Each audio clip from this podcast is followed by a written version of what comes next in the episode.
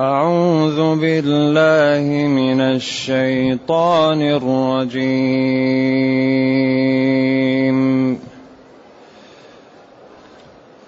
بسم الله الرحمن الرحيم. حميم.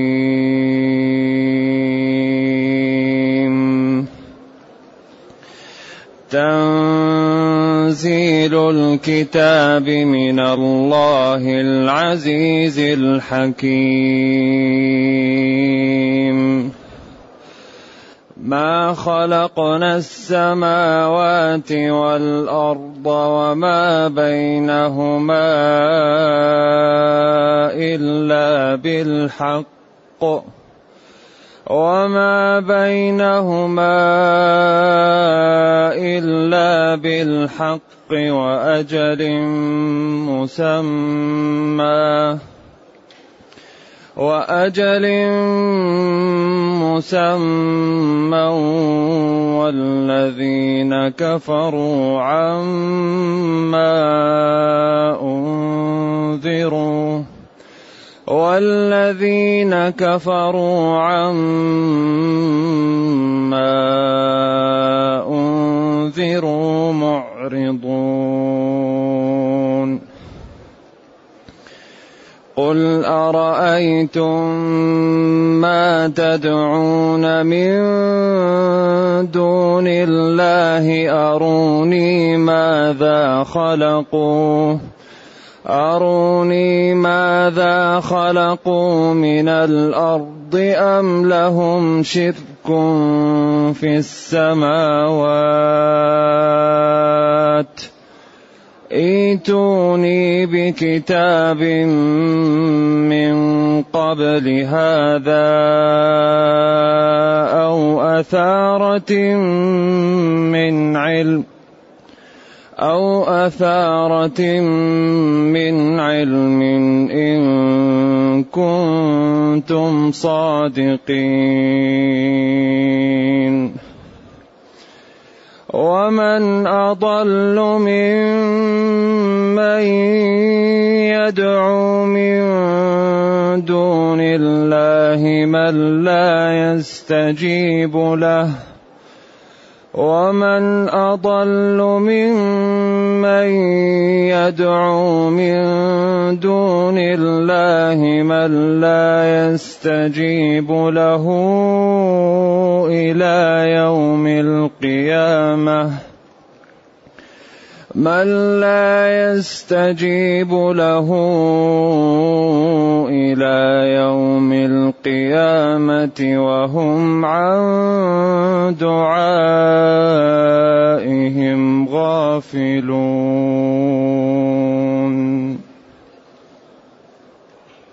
الحمد لله الذي أنزل إلينا أشمل كتاب وأرسل إلينا أفضل الرسل وجعلنا خير أمة أخرجت للناس. فله الحمد وله الشكر على هذه النعم العظيمة والآلاء الجسيمة. والصلاة والسلام على خير خلق الله وعلى آله وأصحابه ومن اهتدى بهداه. أما بعد فإن هذه السورة تسمى سورة الأحقاف. وهي من السور المكية لقوله فيها تعالى واذكر أخا عاد إذ أنذر قومه بالأحقاف سميت سورة الأحقاف وهي مكية.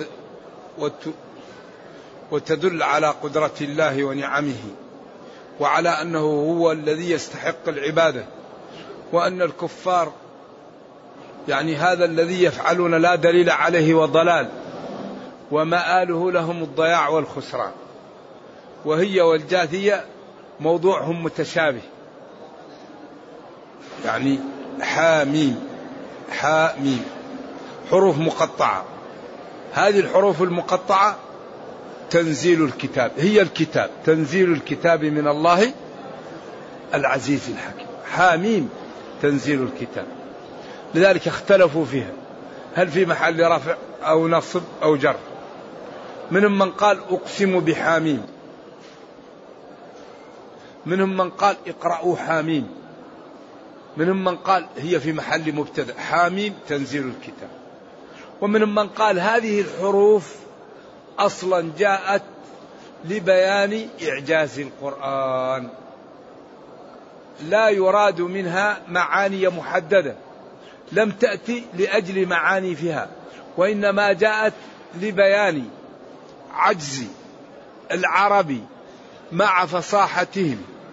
وقوتهم في البيان وما أعطاهم الله في ذلك وجاءهم بكلام من جنس كلامهم يدركون به الإعجاز. فلذلك قال لهم معجزة نبيي كلام مثل كلامكم فإن كذبتم به فأتوا بمثله فإن عجزتم فاعلموا أنه صادق واتبعوه والا تحل بكم العقوبة. كلام في غاية الوضوح وفي غاية القرب وفي غاية الإنصاف. لذلك هذا الكتاب معجزة خالدة إلى قيام الساعة. الآن العالم كله موجود من يعادي ومن يصادق. أي إنسان يطلع يخرج خطأ في هذا الكتاب. كلمة. طب حكم إداري حكم شرعي تربوي. العالم كله ما يمكن يخرج خطأ في هذا الكتاب. على ما أعطي العالم الآن من من من الثورة المعلوماتية ومن العلم ومن المواقع ومن سهولة جمع المعلومات. لا يمكن يرى في خطأ. ولذلك الفرنسي الذي كتب العلم والأديان الثلاثة قال أما القرآن فلا خطأ فيه. أما التوراة والإنجيل هون ما أدري اسمه موريس بوكايس العلم والأديان الثلاثة. هو مترجم لأغلب اللغات ولكن لما جاء للسنة تكلم كلام يعني خطأ. لكن في القرآن قال هذا الكتاب لا يوجد فيه أي خطأ. بخلاف قال التوراة والإنجيل. التوراة والإنجيل لا خطأ فيها وإنما الخطأ في الذي دس فيها. أما كتب الله لا خطأ فيها وإنما الخطأ فيه لأنهم استحفظوه فضيعوه. أما القرآن الله حفظه. لذلك أمر بتدبره وأمر بتلاوته وأمر ب ب ب ب ب بعدم هجره. وأخبر أنه النور وأنه العروة الوثقى وأنه مبارك. فحري بنا أن نصحبه. حري بالمسلمين أن يصحبوا كتاب ربهم. حري بالمسلمين أن يحلوا مشاكلهم من القرآن. حري بالمسلمين أن يقدروا الأمور بقدرها ويعلموا أن عندهم كنز لا ينفد. كتاب لا ينفد. كل ما تريد موجود في هذا الكتاب. لا بد أن ندرسه ولذلك قال حديث أبي جحيفة لما قال لهم وهل خصكم رسول الله صلى الله عليه وسلم بشيء؟ قال لا والذي فلق الحب وبرأ النسب. إلا فهما يعطيه الله رجلا في كتابه. هذا الباب مفتوح. تنزيل الكتاب أي هذا القرآن منزل من عند الله صفة من صفاته غير مخلوق. كتاب القرآن من الله ابتداء إنزاله من الله أنزله. جاء به جبريل للنبي صلى الله عليه وسلم. ولذلك لا يقرأ القرآن وجادة. قراءة القرآن وجادة لا تجوز. ما معنى وجادة؟ معناها الإنسان يهجم على المصحف ويقرأه من غير شيخ لا. القرآن لا يقرأ إلا بشيخ. هذا الكتاب من خصائصه لا يقرأ إلا على شيخ. رب العزة والجلال علمه لجبريل وجبريل علمه لنبينا محمد صلى الله عليه وسلم ومحمد صلى الله عليه وسلم علمه للصحابة والصحابة علموه للتابعين. والتابعون علموه لأتباعهم حتى وصل إلينا. فالذي يهجم على القرآن من غير شيخ هذا خلاف الصواب. لا بد لمن يريد أن يقرأ القرآن من الشيخ. لماذا؟ لأن القرآن حروف لها مخارج ولها صفات والذي لم يؤدي هذه الحروف من أماكنها ولم يأتي بصفاتها قال العلماء آثم والأخذ بالتجويد حتم لازم.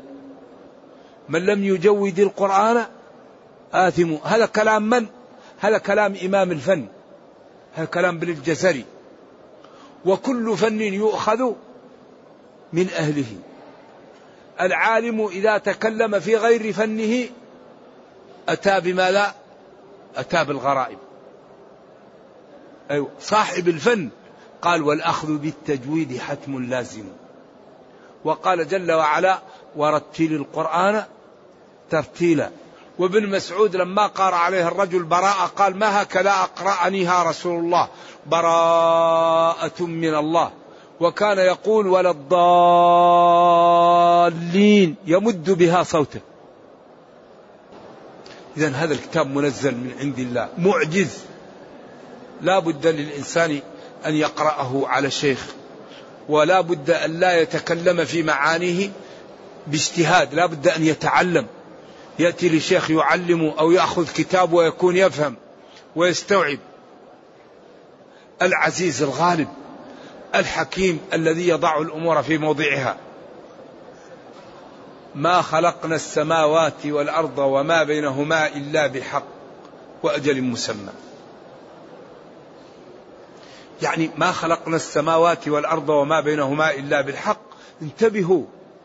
ما هي لعبة؟ هذا الكون له خالق. وهذا الخالق خلق خلق وطلب منهم أشياء وطلب منهم الكف عن أشياء وتعبدهم بأشياء وامتحنهم بأشياء. فالذي يظن أن السماوات والأرض وما بينهما خلقوا عبث هذا واحد يريد أن يودي نفسه في ماذا؟ يوبق نفسه يوقع نفسه في الهلكة. ما خلقنا السماوات والأرض وما بينهما إلا خلقا متلبسا ومصابحبا للحق لا لعب فيه ولا هزء ولا سخرية. وإنما خلقه للحكمة وللابتلاء. خلق الموت والحياة ليبلوكم. ولا يزالون مختلفين إلا من رحم ربك ولذلك خلقهم. خلقهم للاختلاف وللرحمة. قال تعالى وما خلقت الجن والإنس إلا ليعبدون على أصح الأقوال إلا لآمرهم وأنهاهم. فيعبدني من قدرت له السعادة ويعصيني من قدرت له الشقاوة. خلقتهم لأطالبهم لأبتليهم أطالبهم بالعبادة. نعم. لذلك هذه إرادة شرعية. طلبته خلقتهم لأطالبهم لأبتليهم أطالبهم بالعبادة. كما قال خلق الموت والحياة ليبلوكم. ثم قال جل وعلا والذين كفروا عما أنذروا معرضون. والذين وأجل مسمى أي ووقت مؤجلا لهم.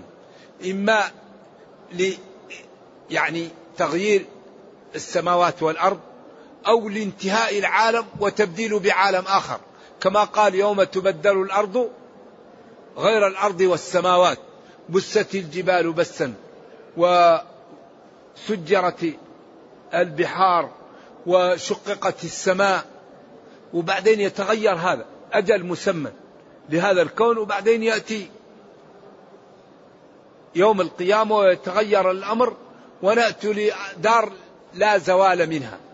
ولذلك هذه الدنيا وقتها قليل العاقل لا يغتر بها وإنما يحاول أن يجعلها مزرعة للآخرة. العاقل يجعل الدنيا مزرعة للآخرة. يزرع يزرع الآن للآخرة. صلاة صوم صدقة أعمال بر.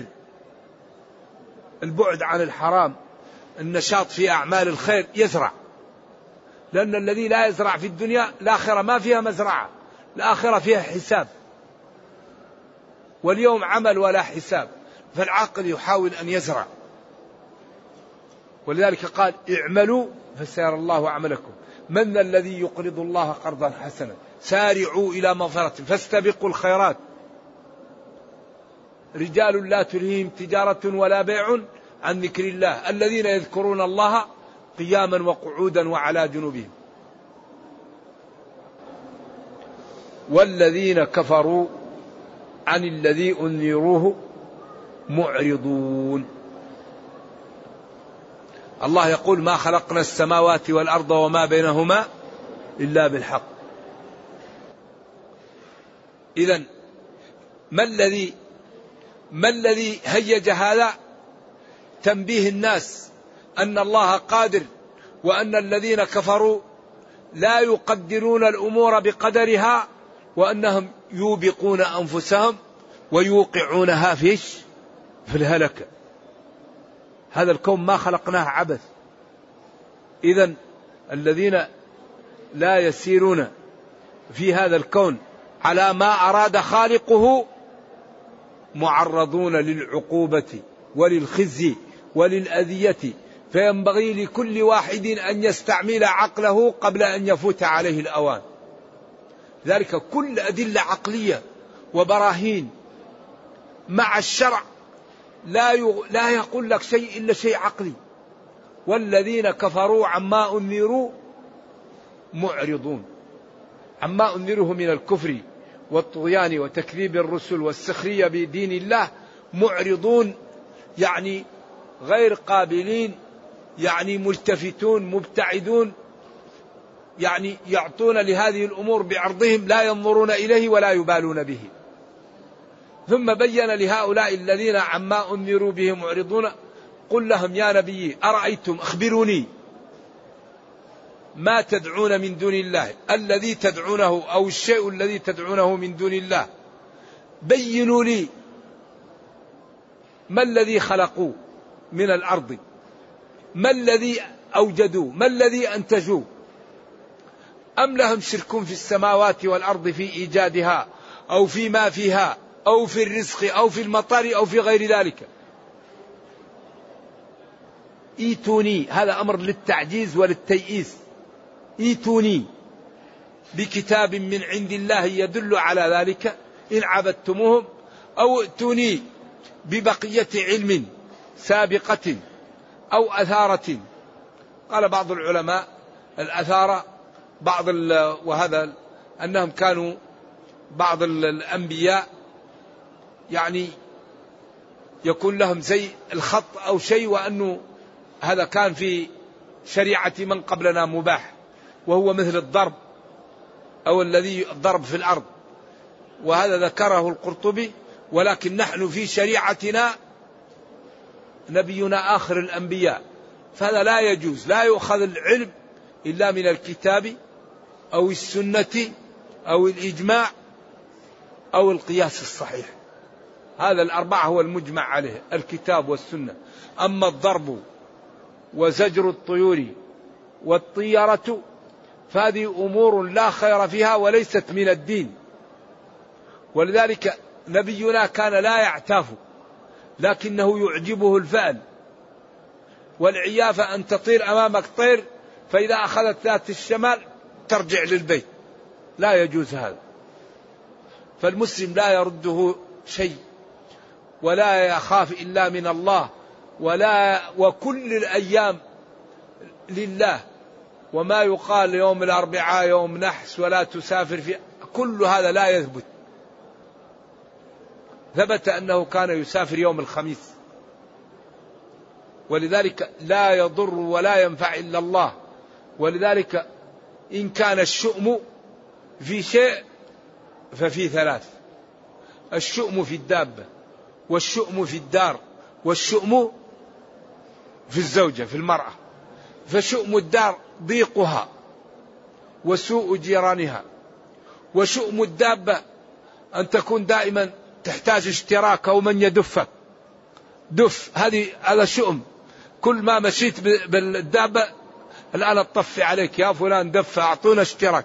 هذه هذا شؤم. تكون وشؤم المرأة أن تكون سيئة الأخلاق وعقيمة. تكون سليطة اللسان وعقيمة. إن كان الشؤم شيء في ثلاثة وبين الشؤم فيها. الدابة تكون الدابة تحرم.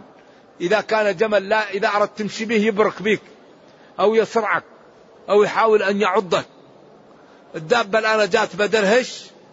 عرب السيارة تحتاج اشتراك تحتاج.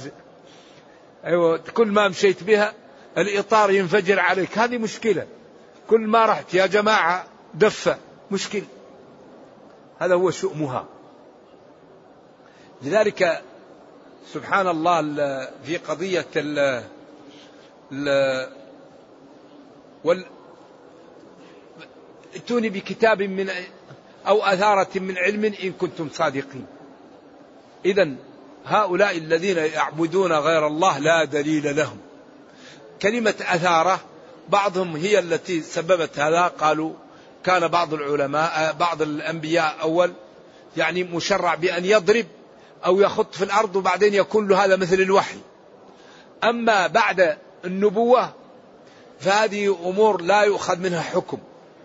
وهي ضلال سواء كانت شعوذة أو كان آه، يعني كما قال خبير بني لهب فلا تك ملغيا مقالة لهبي إذا الطير مرتي يثيرون الطيور ويثيرون الأرانب ويتشاءمون بذلك ويتيامنون.